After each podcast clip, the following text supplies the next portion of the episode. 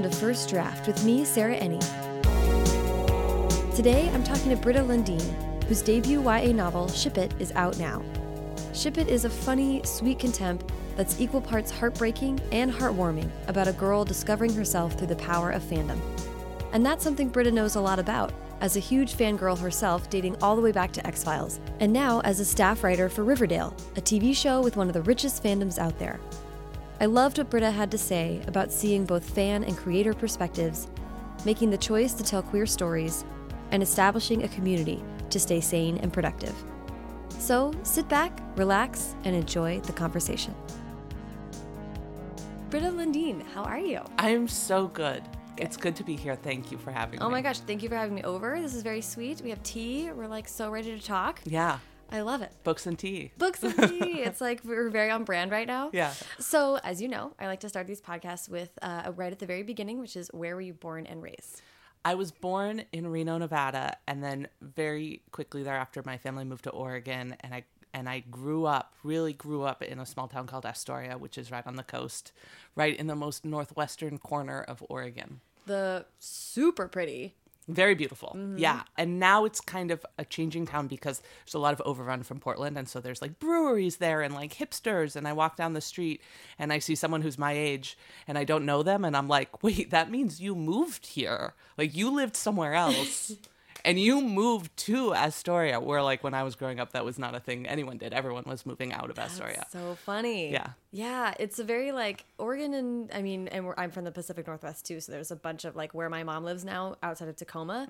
Tacoma's super cool now. Mm-hmm. Oh, yeah. Like, huh? Yeah. Oh, I have multiple people buying friends who are like buying houses in Tacoma because it's where they can afford to live, and it's like hipster paradise now. Yeah, and it's super a great place to be. So I was like crashing with my mom for about six months before I moved to LA. Yeah. And I was like, actually, accidentally, this is the cool place to be. So hooray. Yeah. But yeah, that's uh, yay for Pacific Northwest. It's good. It's nice to have a backup plan for like when Los Angeles runs out of water and we all have to leave this desert that we've tried to make a life in. Yeah. Uh, to know that there's a place we can go in the Pacific Northwest. It's so true. That will never run out of water. I will say when I go to my mom's house, I take really long showers. yeah. Oh, me too. With no guilt. Yeah. Like, woohoo. um, that's amazing. So, how was growing up uh, in Oregon somewhat secluded, right? I mean, coast towns are always a little bit sort of Mm-hmm. Yeah. their own ecosystem Yeah. in a way. How was reading and writing a part of growing up?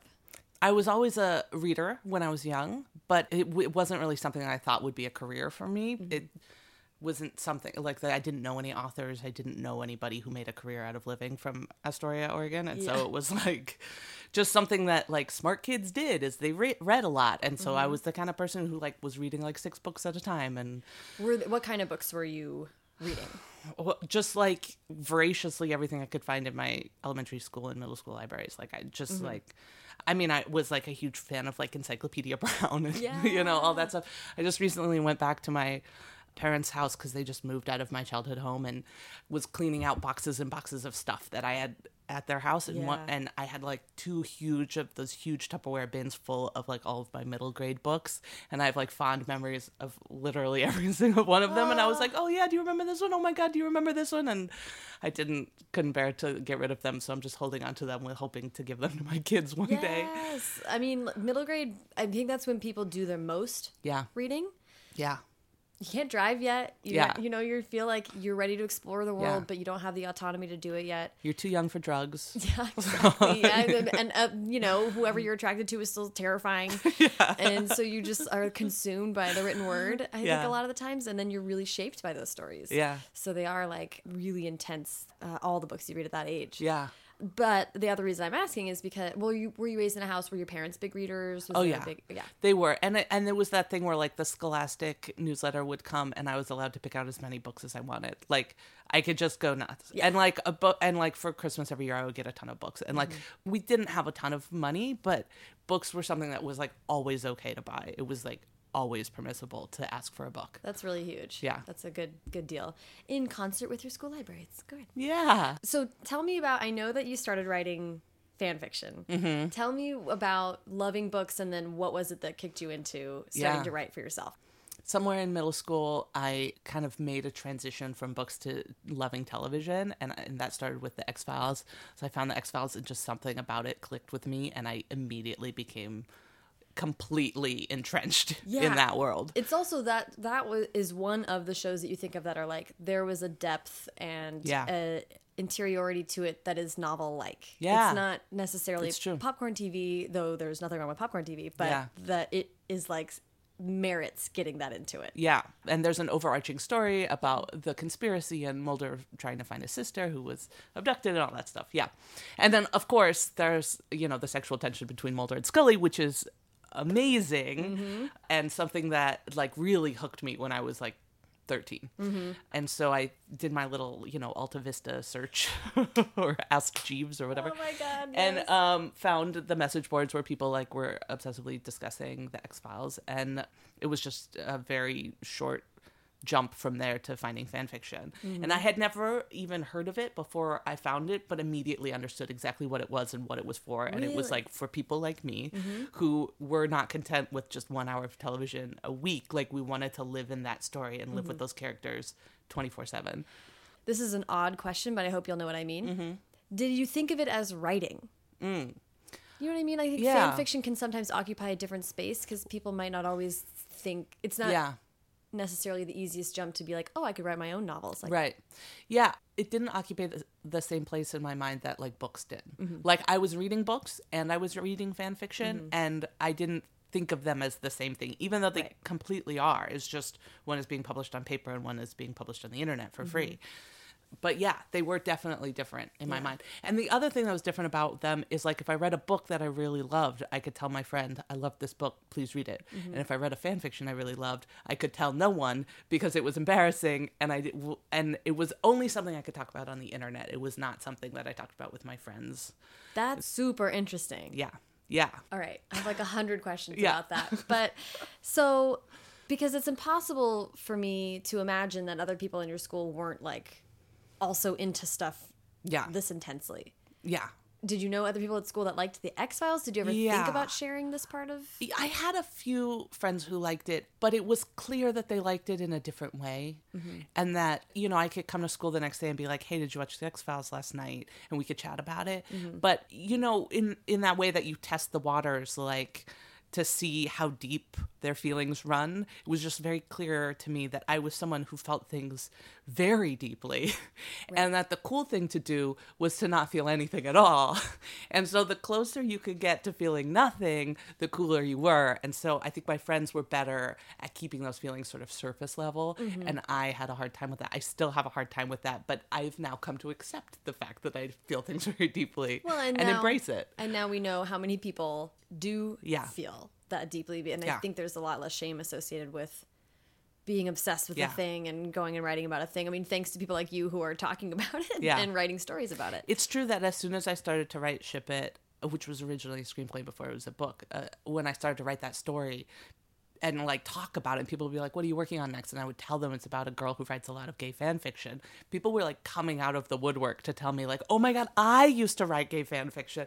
What's your ship?" Oh, and they would tell me about their weird ship that I had never heard of before, and I'd nod and be like, "I'm so excited for you. I'm so happy that we are connecting about this." That's awesome. yeah. That's so cool. It's very like it's interesting to think about. And, and have you read Grace and the Fever by Zan Romanoff? I love that book. It's similar to me where, you know, it was so like getting to know Zan by reading that book because Yeah. she identifies so much with what you're talking about of the like she couldn't she felt like she was keeping one whole huge part of herself secret from Yeah. her real life friends. And in the book that grapples with that a lot.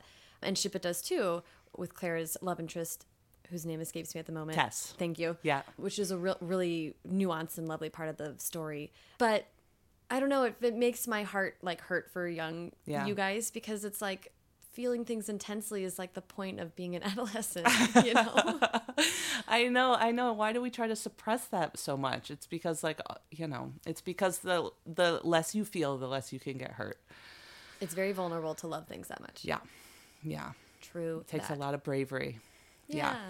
Well, there's there's a couple things I want to ask about your young life, uh, based on reading an article written about you in the Astoria newspaper. The Daily Astorian. Oh, great. I'm glad that that article is being shared far and wide. Yes, it was actually. Look, I have to say, I wanted to. I actually meant to go look at the byline again because it was a very well written article. Yes, Eric like- Bengel was his name. There you go. props A to Eric. shout out for Eric. Yeah, I was reading the article and I was like, hey, wait a second. This is like better than half of the shit I read on Vulture. Sorry, Vulture. um, but it was really well written. And I want to talk a little bit about your passion for things and also your period of life wanting to maybe be in politics. Mm-hmm. And Yeah. this, the story that was so fun from the Astoria newspaper was that you quit the athletic department over a principled argument. Yeah. Could you mind telling that story? Yeah, so I was like always a sports kid, and I played sports all through elementary school. And What'd middle, you play? In middle school, I played softball and I played basketball. I played a little bit of soccer, but I'm I'm not a very good runner. Uh, I did cross country one year just because it seemed like the kids who did cross country were way cooler than any other sports area. Really? Yeah, they were like the indie kind of emo kids, Hmm. and I was like, I want to be one of those kids. Someone gave me a, a mixtape of all cake songs while I was on the cross country team, and Oh I was God. like, what is this band? It like blew my mind. That's so funny. So that worked out well, but I was a terrible runner, so not very good at cross country. Um, you know, I was actually pretty decent at basketball, and it was composed a big part of my identity with the fact that I played basketball.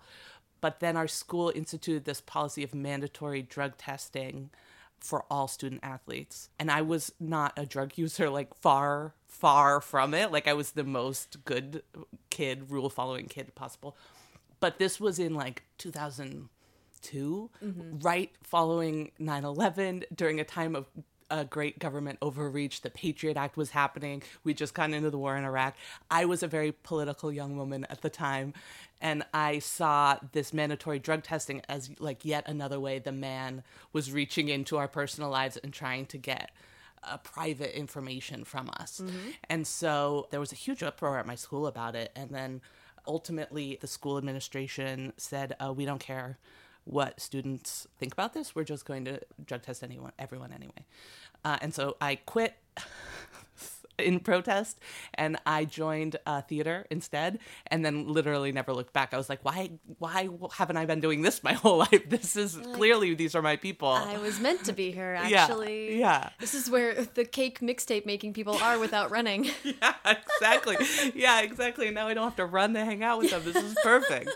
and I was in a bunch of plays, and I I worked on uh, you know every theater production we did from that point on. And the most personally important production we did was we did a, a production of the Laramie Project my senior year that I was in, and that was you know one of the first times we had ever done a, a play that touched on gay issues, and so it was and in small you know, Astoria, Oregon. This is in mm-hmm. 2003.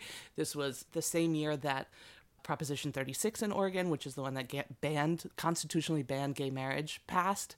So if you can imagine, this feels like a long time ago because now all of this is legal, but Oregon had a constitutional amendment banning gay marriage.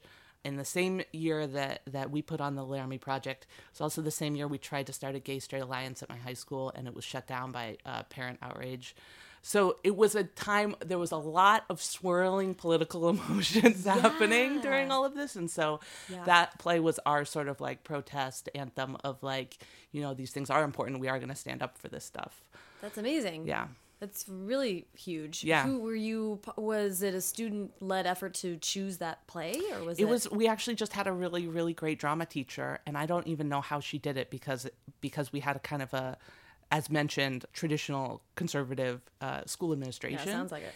And so the way she did it was by we did two plays a year and she did her two plays and then on top of that we did the Laramie Project. So it was like an extra play that was like extra credit. It was not one of the official school plays. We were performing it at a local theater downtown, not at the high school stage So she was super smart about it. she yeah she it was the only way she could get it done and i think we even had to cut some of the swear words out of it or something like it was like this huge negotiation of like whether she could do it and she pulled it off her name was jenny newton and she's still uh, at the school and she still does great work there That's awesome. yeah and she's great Wow.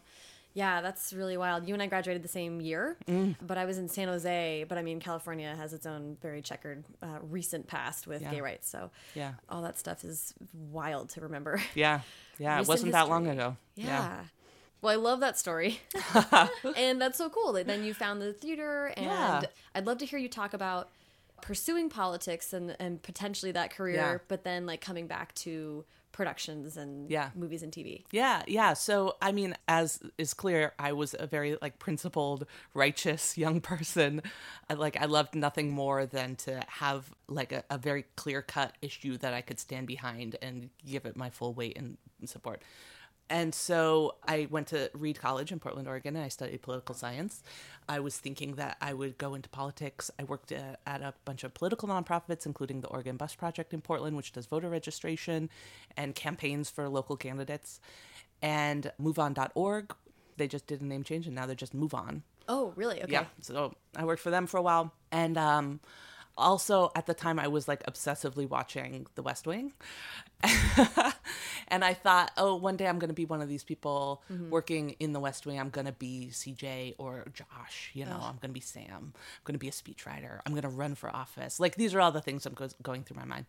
And then it was sort of a long, slow process, but eventually I realized that maybe what my passion was in life was I would rather write for the West Wing rather than work in the West Wing. That's so funny. Yeah. and that and that both are okay. And i think what took me a while was thinking that i thought for a while that tv was frivolous or that tv didn't matter the way that political uh, issues matter.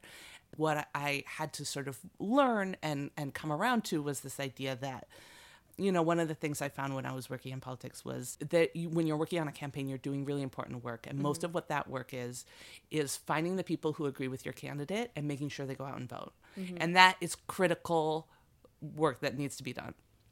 But what I was frustrated with was it was really hard to take people who didn't agree with you and convince them that you were right. And so I was started to look around and be like, who are the people who are doing that work? Who mm-hmm. are shaping the cultural conversations? And I realized that it was the media makers. That it was, you know, TV writers and screenwriters, people who make movies, people who create the media that we absorb into our skin every day, mm-hmm. you know? Mm-hmm. I mean, I think the that we might not have gay marriage today if we didn't have, you know, Ellen and Will and Grace. Yeah. yeah. So it's like Queer the- Eye. Yeah, Queer Eye. Yeah, and those shows aren't perfect, but like they were the stepping stones to creating, you know, the social change that we have today. And so mm-hmm. if I wanted to create social change in the future, what stepping stones could I create today that would launch that? And so I started getting involved in film work, and that was just like answering Craigslist ads uh, for like people who are looking for PAs on independent films. And stuff like that. I worked on a zombie movie. I worked on a Christian Slater movie. I worked on like a, a bunch of uh, like some commercials, and I worked on The Amazing Race briefly. I, I did a bunch of different stuff in the Pacific Northwest, and then eventually decided I needed to go to film school. So I went to film school in Austin, Texas, at the University of Texas, and The, uh, um, the Wes Anderson program, yeah. among many other people, but I know that he's known for that. Yeah, yeah, he did go there. and then when I graduated, I moved out to LA. And I now we're kind of skipping over some stuff. But then I, I decided I wanted to be a screenwriter. And to do that, you really have to live in LA. So um, now I live there and it's it's working out. So far, it's, it's going pretty well. It's going pretty good. Um, yeah, we are skipping over some stuff, but it seems like you are particularly qualified and positioned to talk about how writing stories is a, an inherently political act, Mm-hmm. especially when you're from someone from anyone from marginalized communities writing Yeah. and telling their stories is an, like an inherently political act, which Yeah. is sometimes difficult to explain. But it seems like you grasped that and sort of ran into it. Yeah. Yeah. I think it was clear from high school, you know, when we did the Laramie Project, what my best friend at the time was Mormon and she mm-hmm. refused to come see the play. Wow. And I thought she's not Mormon anymore, and she remains one of my closest friends, and I, I love her a lot. But at the time, it was difficult for us. She refused to come see the play, and I thought, why would you refuse to come see a show?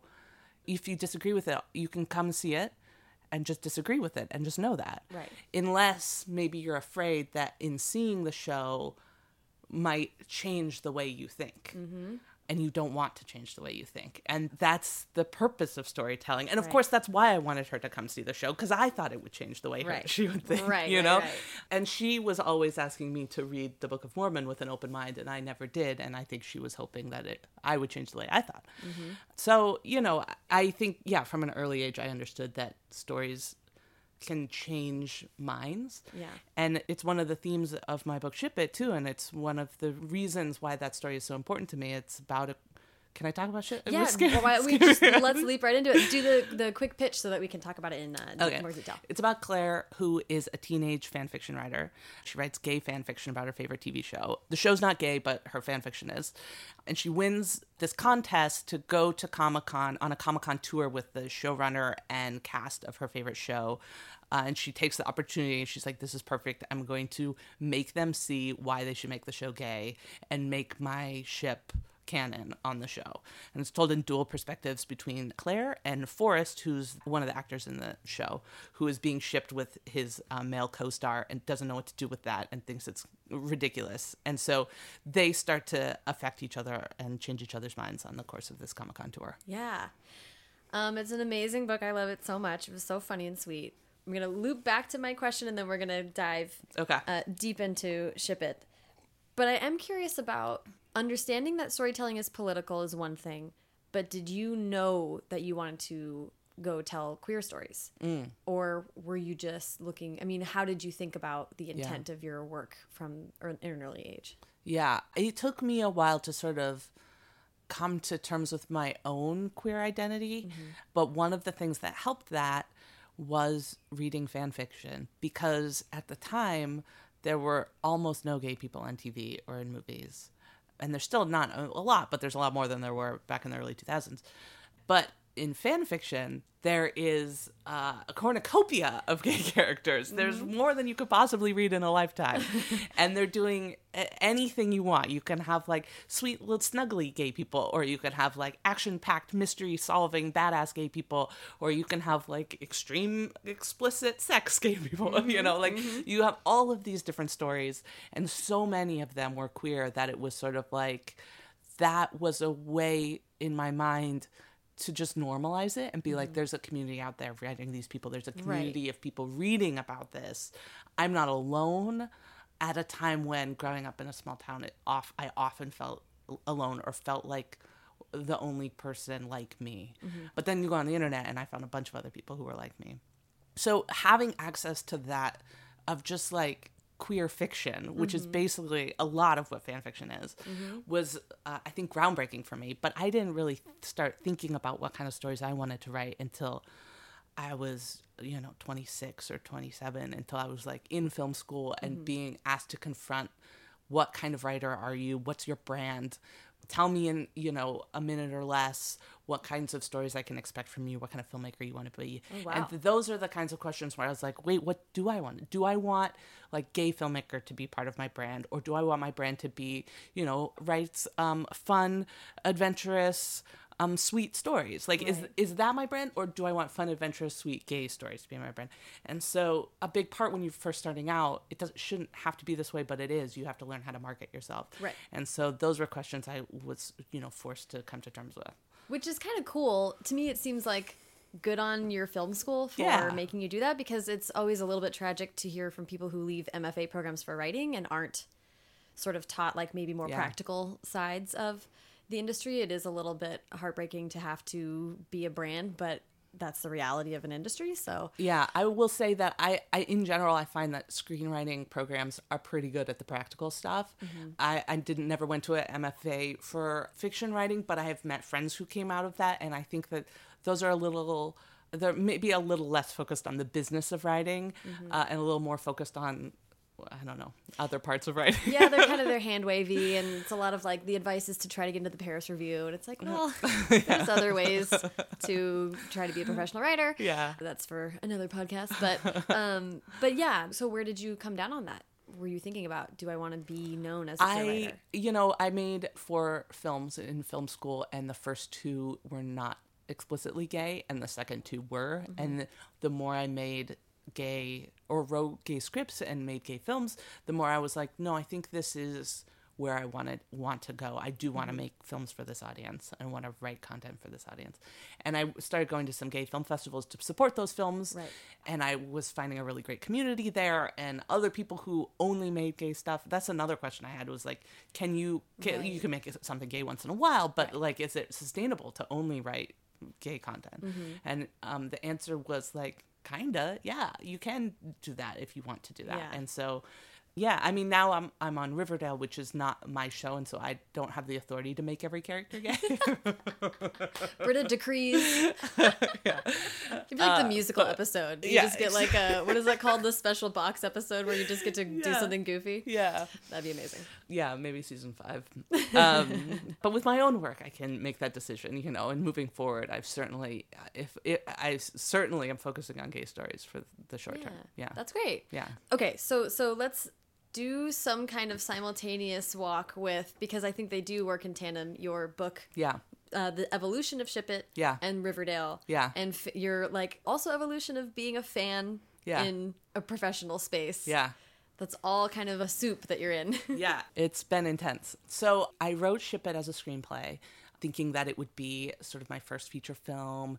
I would get some cool people to star in it, and we'd premiere at Sundance or you know whatever. Also, really quick aside question. Sorry, before you dive in.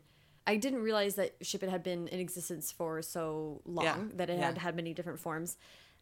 And it's interesting that even in the screenplay, it was sort of dual POV, right? Like you're still seeing things from Forrest, Yeah. the actor's um, point of view. Because it was funny to me because I was like, oh, she must be pulling from Riverdale character. I don't know. You're, Oh, yeah. you know what I mean? Yeah. To like get that perspective of the actor. Yeah.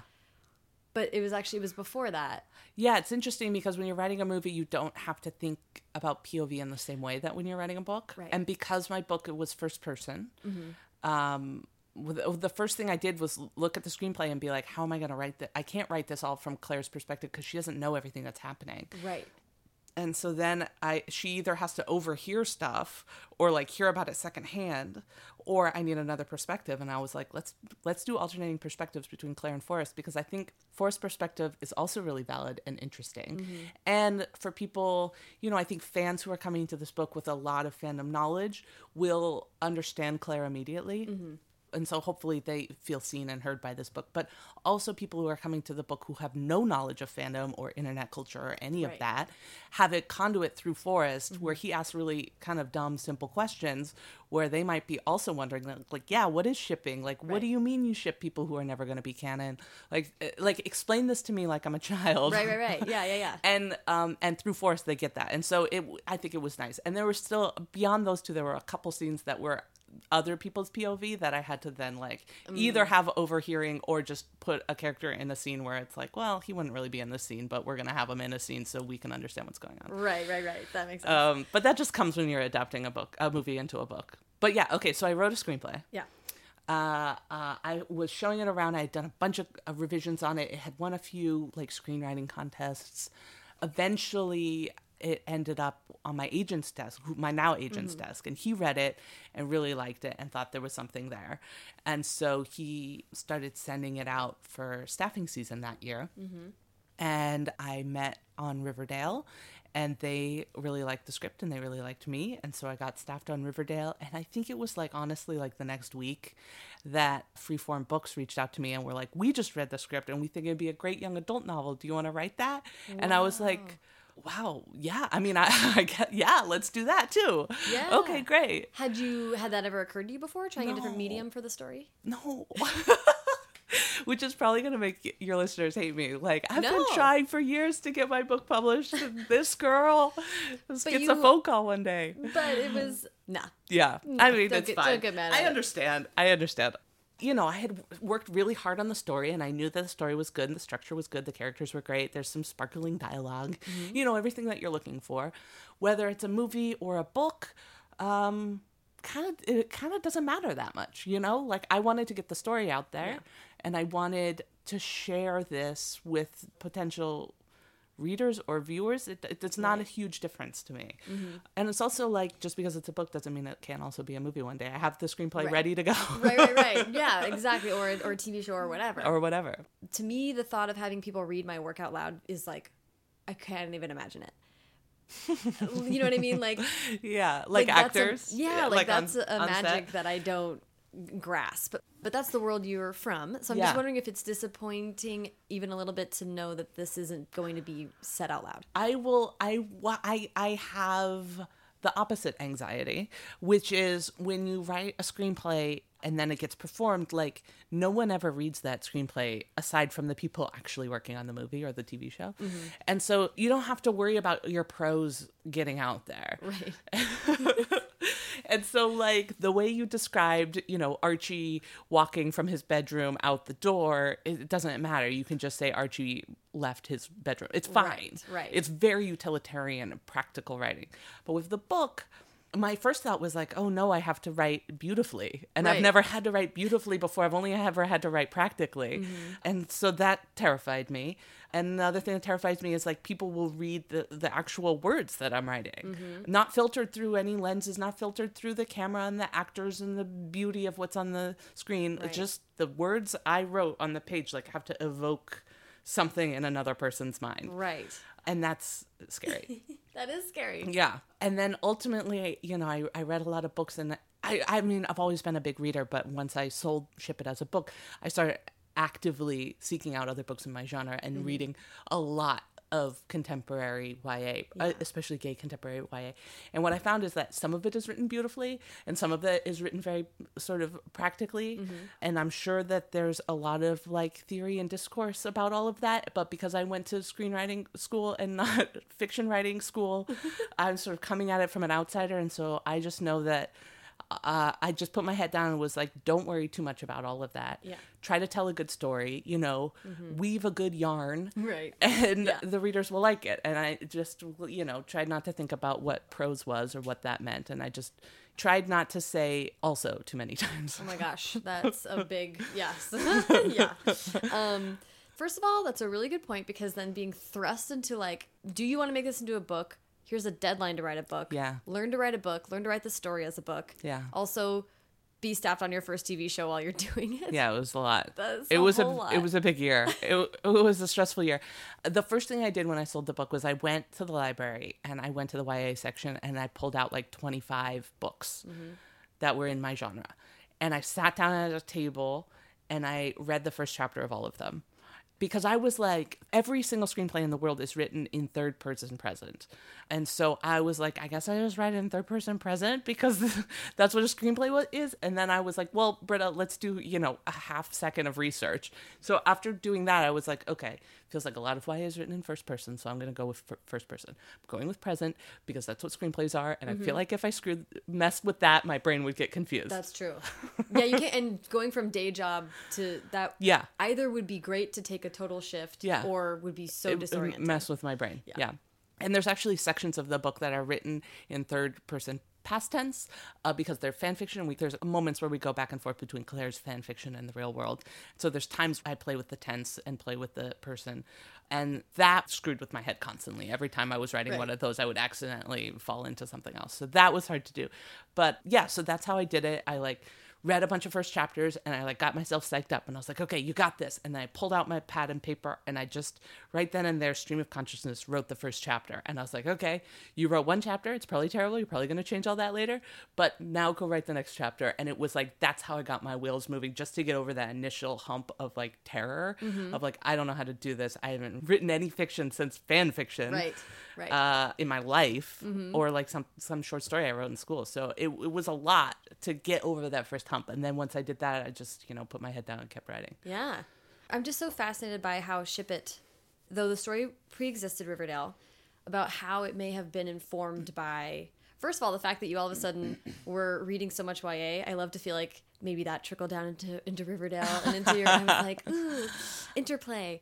But how did writing for a teen TV show Yeah, c- correlate or did it? Or Yeah. did you keep them separate? How did you think about yeah. that?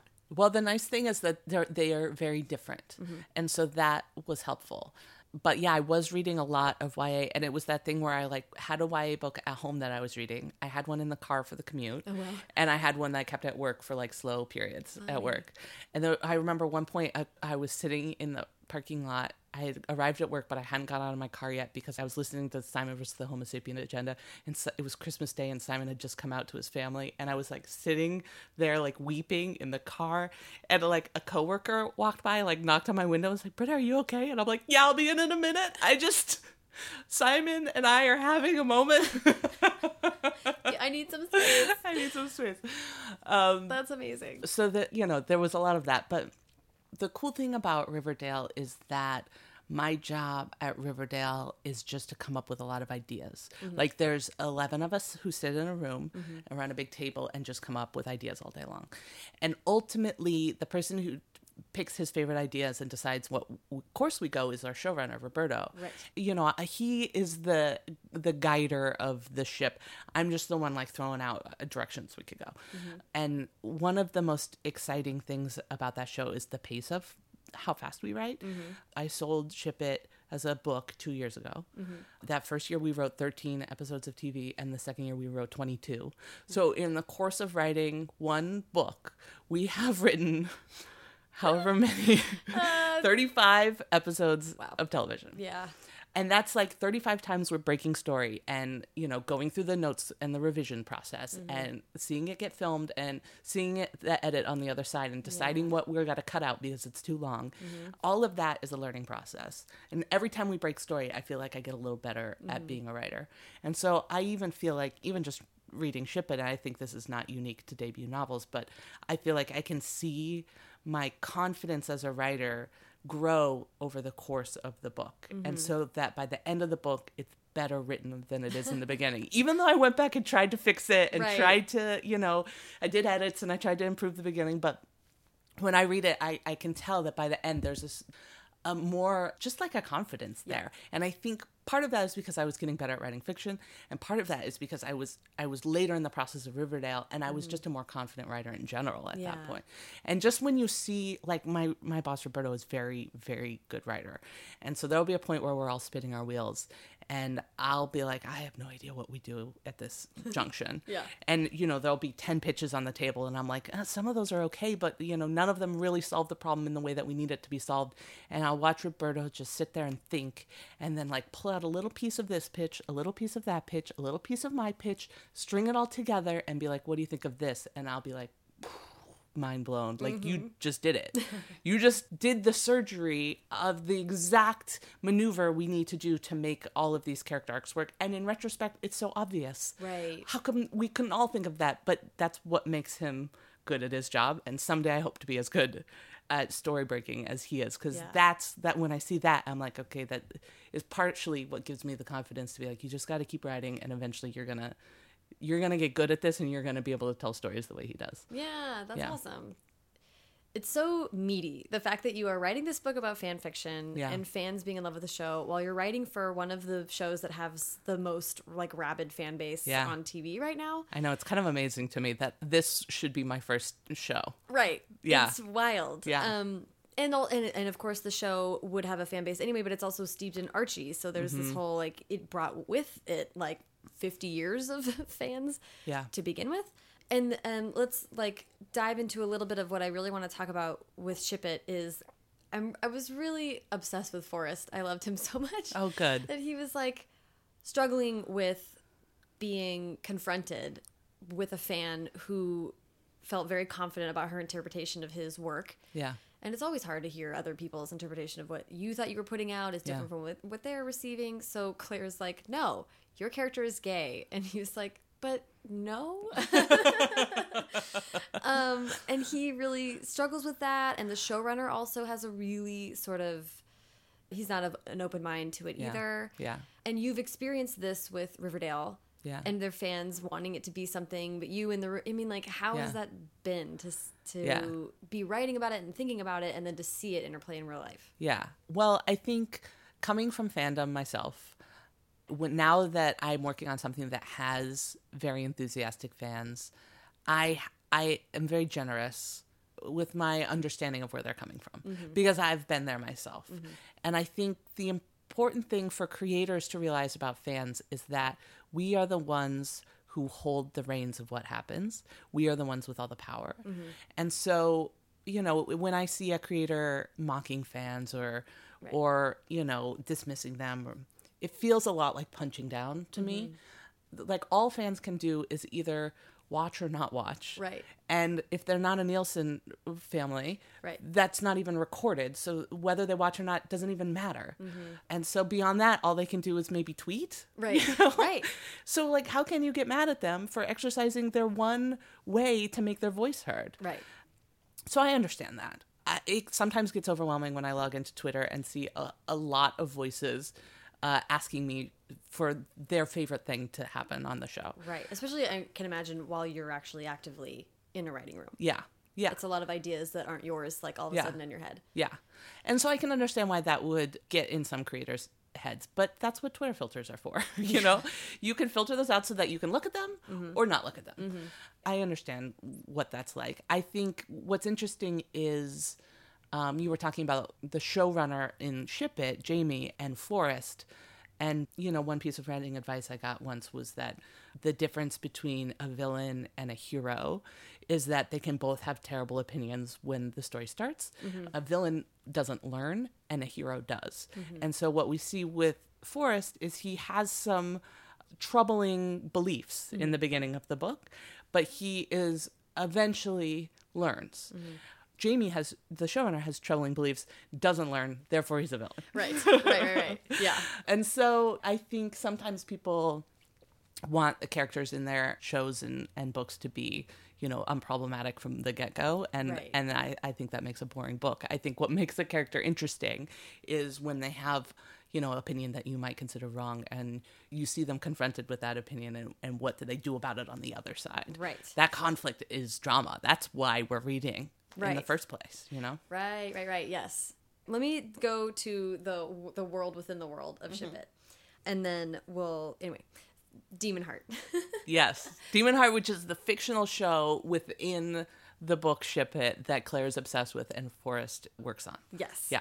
I think it's useful to talk about Demon Heart in all this, right? Like this Mm-hmm. is the world. So you're coming from being a fandom for life, and then you're like, oh, I want to make a show that my main character would be like completely in love with. Right. So what were the elements that you knew you wanted to bring Yeah. to this fake show? Yeah, it's hard because I wanted Demon Heart to feel accessible to anyone who's ever been a fan of something. Right. But also not to be recognizably one thing or another. Mm-hmm. And so it kind of has elements of a lot of different things. So the the root of Demon Heart is it's about a demon Mm-hmm. named Heart, uh, who has a heart, um, and a demon hunter, which is Forrest's character, who his job is to hunt demons. And so, so Forrest is out there hunting demons. And he's killing them, but Heart is the one demon who has a heart, a la like Angel from Buffy, who has a soul. He's like the one vampire with a soul. He's like a good demon. So they have this sort of like antagonistic relationship where you're never quite sure if they're gonna like uh, kill each other or fuck each other. yes, totally. um, so that to me felt like okay, that seems like a recipe for like a slash ship if I ever heard one. And so th- it has that. It has elements of supernatural. It has elements of Teen Wolf. It's elements of Buffy, as I said. You know, I think if you're a fan of any sort of genre show, you might recognize elements of your favorite show in there. Yeah. But it's also it's not meant to be anything specific. A lot of people ask me if it's supernatural because of course Supernatural went through a huge queer baiting thing and Right. has demons on its show. It's not supernatural, but it, it fans of supernatural will recognize, you know, something at the heart of supernatural is also at the heart of Demon Heart. Yeah, I was gonna say because you are a supernatural fan, yeah, right? I am. I am. Yeah. I read a lot of that in, in the story, but there was so much Buffy too and all that amazing Yeah. stuff. Yeah. What was behind the choice to make Claire's Claire's a fandom over this show and it's a male male slash? Yeah. Why that instead, Instead of female female. slash? because it's more common. Mm-hmm. I think fem slash, as it's called, is getting more popular, but it's still kind of a little behind regular slash. And so I I wanted this to feel recognizable to fans. Mm-hmm. I also felt like if it was fem slash, it, you know, it was a little more on the nose and a little more obvious of what Claire's struggle was. So Claire at the beginning of the book, you know, isn't isn't thinking too much about her sexuality, but along the way she meets Tess, who's this fan artist who's also on the Comic Con tour, who she kind of falls for, and she starts to have this questioning thing of like, you know, eh, am I gay? Can I identify as gay? This is a big, scary commitment to come out and say so. And she has to confront what these feelings mean, and feelings are so squishy. And Claire is a very sort of like driven person, and so so I think it's hard for her to quantify her feelings Right. so that's her journey and it felt like you know her like shipping two women on a show and then like also having like this female love interest was a little like claire this is really obvious like Right. just like Right. re- read the room girl um uh, and so this male male thing was a little easier. I also feel like there's a lot of I you know know uh, of a lot of fans who ship slash as a baby step toward understanding their own sexuality because it's it is like one step removed from yourself, and so if you're like a, female fan who like maybe might be a little bit queer, it's easy to like delve into queer issues via these two fictional men and be like, this has nothing to do with me. This is about you know Dean and Castiel. this is Oh, not about me. uh, and then in that journey, you know, start to understand a little bit more about yourself. So I wanted Claire to go along with that, Yeah. but also. I do want to get did want to give a shout out to Femme Slash along the way. So a lot of there's many times where Claire's like, like she where she's like, you know, having her first make out with Tess and she doesn't really know what to do and she the thought runs through her head that she's like, oh my god, I need to read more Femme Slash. If I did, I would know what to do in this moment. Right, And it's like, right. yeah, girl, yes you do. yeah. Oh, that's amazing. Yeah, that's I had I wish I could remember who I heard this from, but someone was talking about it was probably someone on Tumblr, Mm-hmm. uh, one of the wise people of Tumblr, talking about women writing male male slash and how it's sort of this interesting. It is like you said, we're one step removed from your own embodying ha- having a female body, your own experience, but Yeah. also like not having to like think about the ways that we are only reduced to our body all the time. Mm. So it's just like thinking about sex, but in a totally separate way than we've been taught to like internalize all of the whatever Yeah. millions of thoughts you have to have about your body when you are born as a woman. And so I don't know. It was just so interesting to me to think about that because it is so prominent and Yeah. it's so relatable. You know, Yeah. it's just like anyway. Yeah. No, I think that's right. I think there's probably a lot of reasons that women ship slash, and I think that that's probably one of it too. Mm-hmm. Is is you don't have to any like internalized Yeah. misogyny you have or any shame about your own body or any of Right. that doesn't even have to come into play when you're Yeah, reading slash. you can just sort of step it aside Yeah. and fully immerse in like Yeah. this other world. Yeah. Which is lovely and the reason that fiction exists. Yeah. Um, and I think the Rico was so amazing and hilarious to me. He was so fun. He's, he's a fan himself. Yeah. Like I loved when he got the moments to be dorky about something Yeah. uh, at the cons. He was clearly also there for, for his own fandoms. But um, his interplay with Forrest and them looking at this as like professional actors Mm-hmm. was so interesting. And I'm curious if you've talked to the to actors in the course of writing for Riverdale about how they think about. I mean, they're also getting all this stuff online Yeah. and having to talk to fans about it, and they they are not even creating it. Yeah. they're even one step farther from the writers' room. yeah. That was one of my favorite parts of the, about the book was like it does ask you to think about the whole Yeah. show Yeah. and how actors are, you know, those like you're describing those moments between Yeah. actors, like Yeah. that's just a chemistry that you sort of can't necessarily control. Yeah. You know, one of the cool things was being on the first season of Riverdale and watching these actors who, aside from Cole Sprouse, uh, uh, were unknowns to most of America, go from being unknowns to being spotted on the street and Right. stopped for autographs. And, you know, it was actually, we shot the entirety of season one before uh, season one started airing. So we had this nice little bubble of privacy where no one knew or cared what we were doing. Mm-hmm. And then season two started, and suddenly everywhere we shot, there would be 30 fans outside, politely waiting on the sidewalk, hoping KJ or Cole or or Cami or Lili come out, Right. you know, and take a picture with them or sign something for them, or just hoping to get a glimpse of them on their way to their trailers or something like that. And then eh, you know you'd be inside like setting up for the next shot or something. You hear like a screams coming from outside, and you're like, "Well, I guess KJ went out there," you know, or whatever. Yeah, someone's on their What- way. Yeah. That's so funny. and so that was just exciting to see them go through that and i think that's has to be a huge experience it just like changes your life in a fundamental way once you start getting For sure. recognized and so one of the things one of the things i wanted to do with forrest was talk about some of his anxieties because he was sort of you know working away struggling didn't have a lot of big jobs and then landed this demon heart job and this was his first big real big job where he mm-hmm. was like maybe my dad will finally respect my career choice.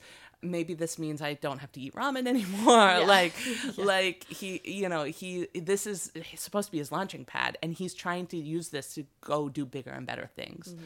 And so claire's little gay agenda to him Right. is like so far beyond beside the point. Right. Like he's like, no, you don't. This isn't this to you. I get that this is important, but to me, my career is important, Right. and this is just one job, and this show could get canceled, and I could be Mm-hmm. out of a job and back where I started. Uh, You can't be playing with my life in this way. This Right. is real stuff to me, not just some TV show. And so giving him that perspective and those stakes of like literally these are, you know, career stakes. Yeah. For him, I think helps it, it's there's times where, you know, it makes Claire look insensitive and that's fine. Like mm-hmm.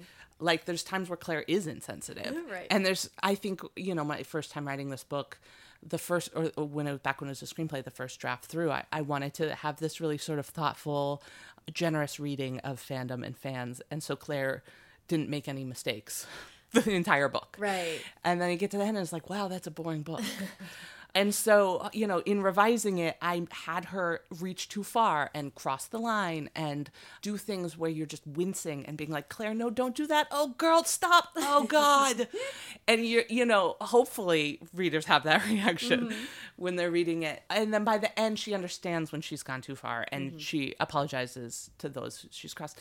But it is hard when you're trying to represent this community. Like there's there's more books about fandom now than there ever have been before, but there's still not that many. And so one of the things I wanted to do was make sure that fans who don't get their story told in a kind way that often, um, who- and who are often characterized in sort of unkind ways. Yes. I wanted to make sure I told a story that did them justice and didn't harm the community.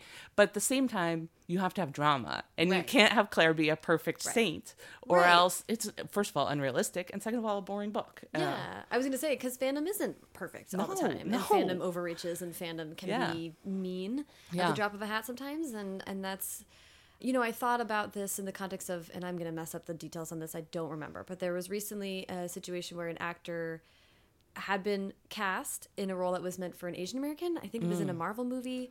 God, you know what I'm talking about, right? I cannot remember. I hate that I can't remember this. yeah, But he then then there was an uproar and Yeah. he turned down the job Yeah. and said and then I think Daniel Kim, Daniel Yeah. Dae Kim was Yeah. cast instead. yeah, And and it was a really wonderful thing for him to do. yeah, But I when I read that article about him giving up the job, I was like, holy F. Yeah. Like that this was a tent pole superhero Yeah. hundred million dollar movie.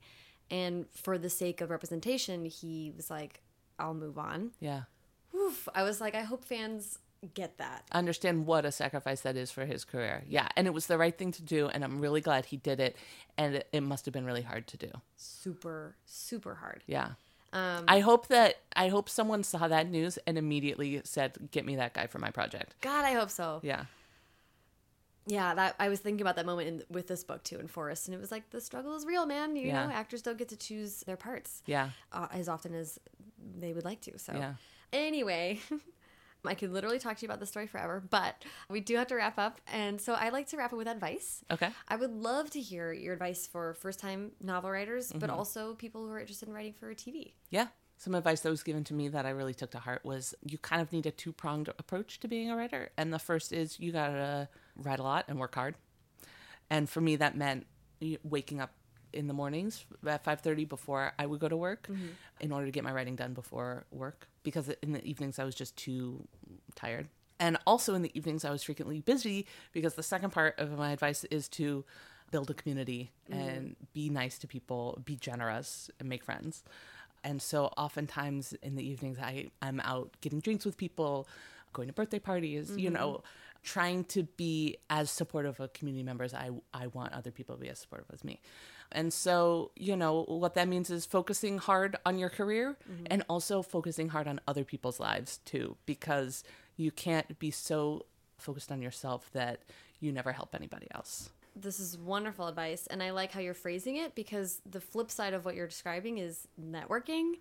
But if you think about it as networking, then Mm. Yeah. it's a focus from you out. yeah And what you're talking about, yeah, is being like, I want to be a part of a community. So Yeah. that means yeah reaching out and caring about other people yeah and yeah. building bridges. Yeah, and that doesn't mean that you have to be best friends with everybody, but it also doesn't mean that you're just using them for their connections. Like find the people who you like, help them when you can, and hopefully they'll help you when they can. Right. Yeah. Yeah, that's awesome. Yeah. And is that that kind of that goes for TV and novel writing? Yeah, honestly? I mean, I'm uh, constantly amazed with people who are getting their book published off of Query because Query is this thing in screenwriting that is like, I guess, out there, but li- literally no one has ever sold a screenplay off of Query. Like, in in the world.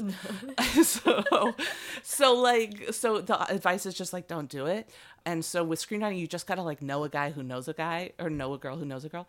So so the fact that w- with novel writing you can live in like the middle of nowhere and like write a query letter and like get your mans- manuscript actually read by someone like in New York City is like amazing to me. But in so in screenwriting the idea is you have to have a community because you can have the most amazing screenplay in the world and if it's just sitting on your hard drive with no one to show it to it's never going to get read. Mm-hmm. And but the flip side of that is if you have a great community of people who want to help you and people are like let me know when you have something great. Yeah. i want to read it. And you never are working on your own stuff and you're talking about writing more than you're actually doing the hard work of writing and editing mm-hmm. then you're also never going to get anywhere. So you need both of those things well, Britta, this has been so fun. this is fun Thanks Yeah. for sitting down and chatting with me. thank you so much sarah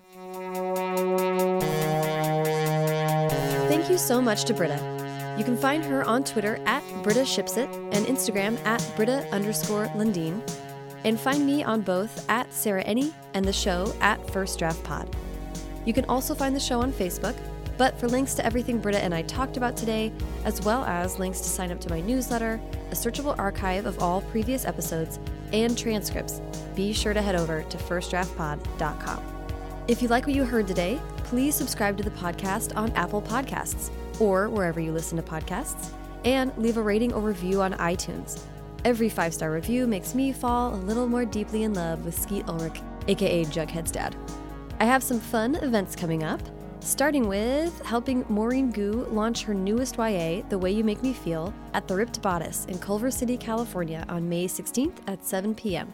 Maurene is the best, her new book is amazing, and The Ripped Bodice is one of my favorite independent bookstores, so it will be an event for the ages. Don't miss it.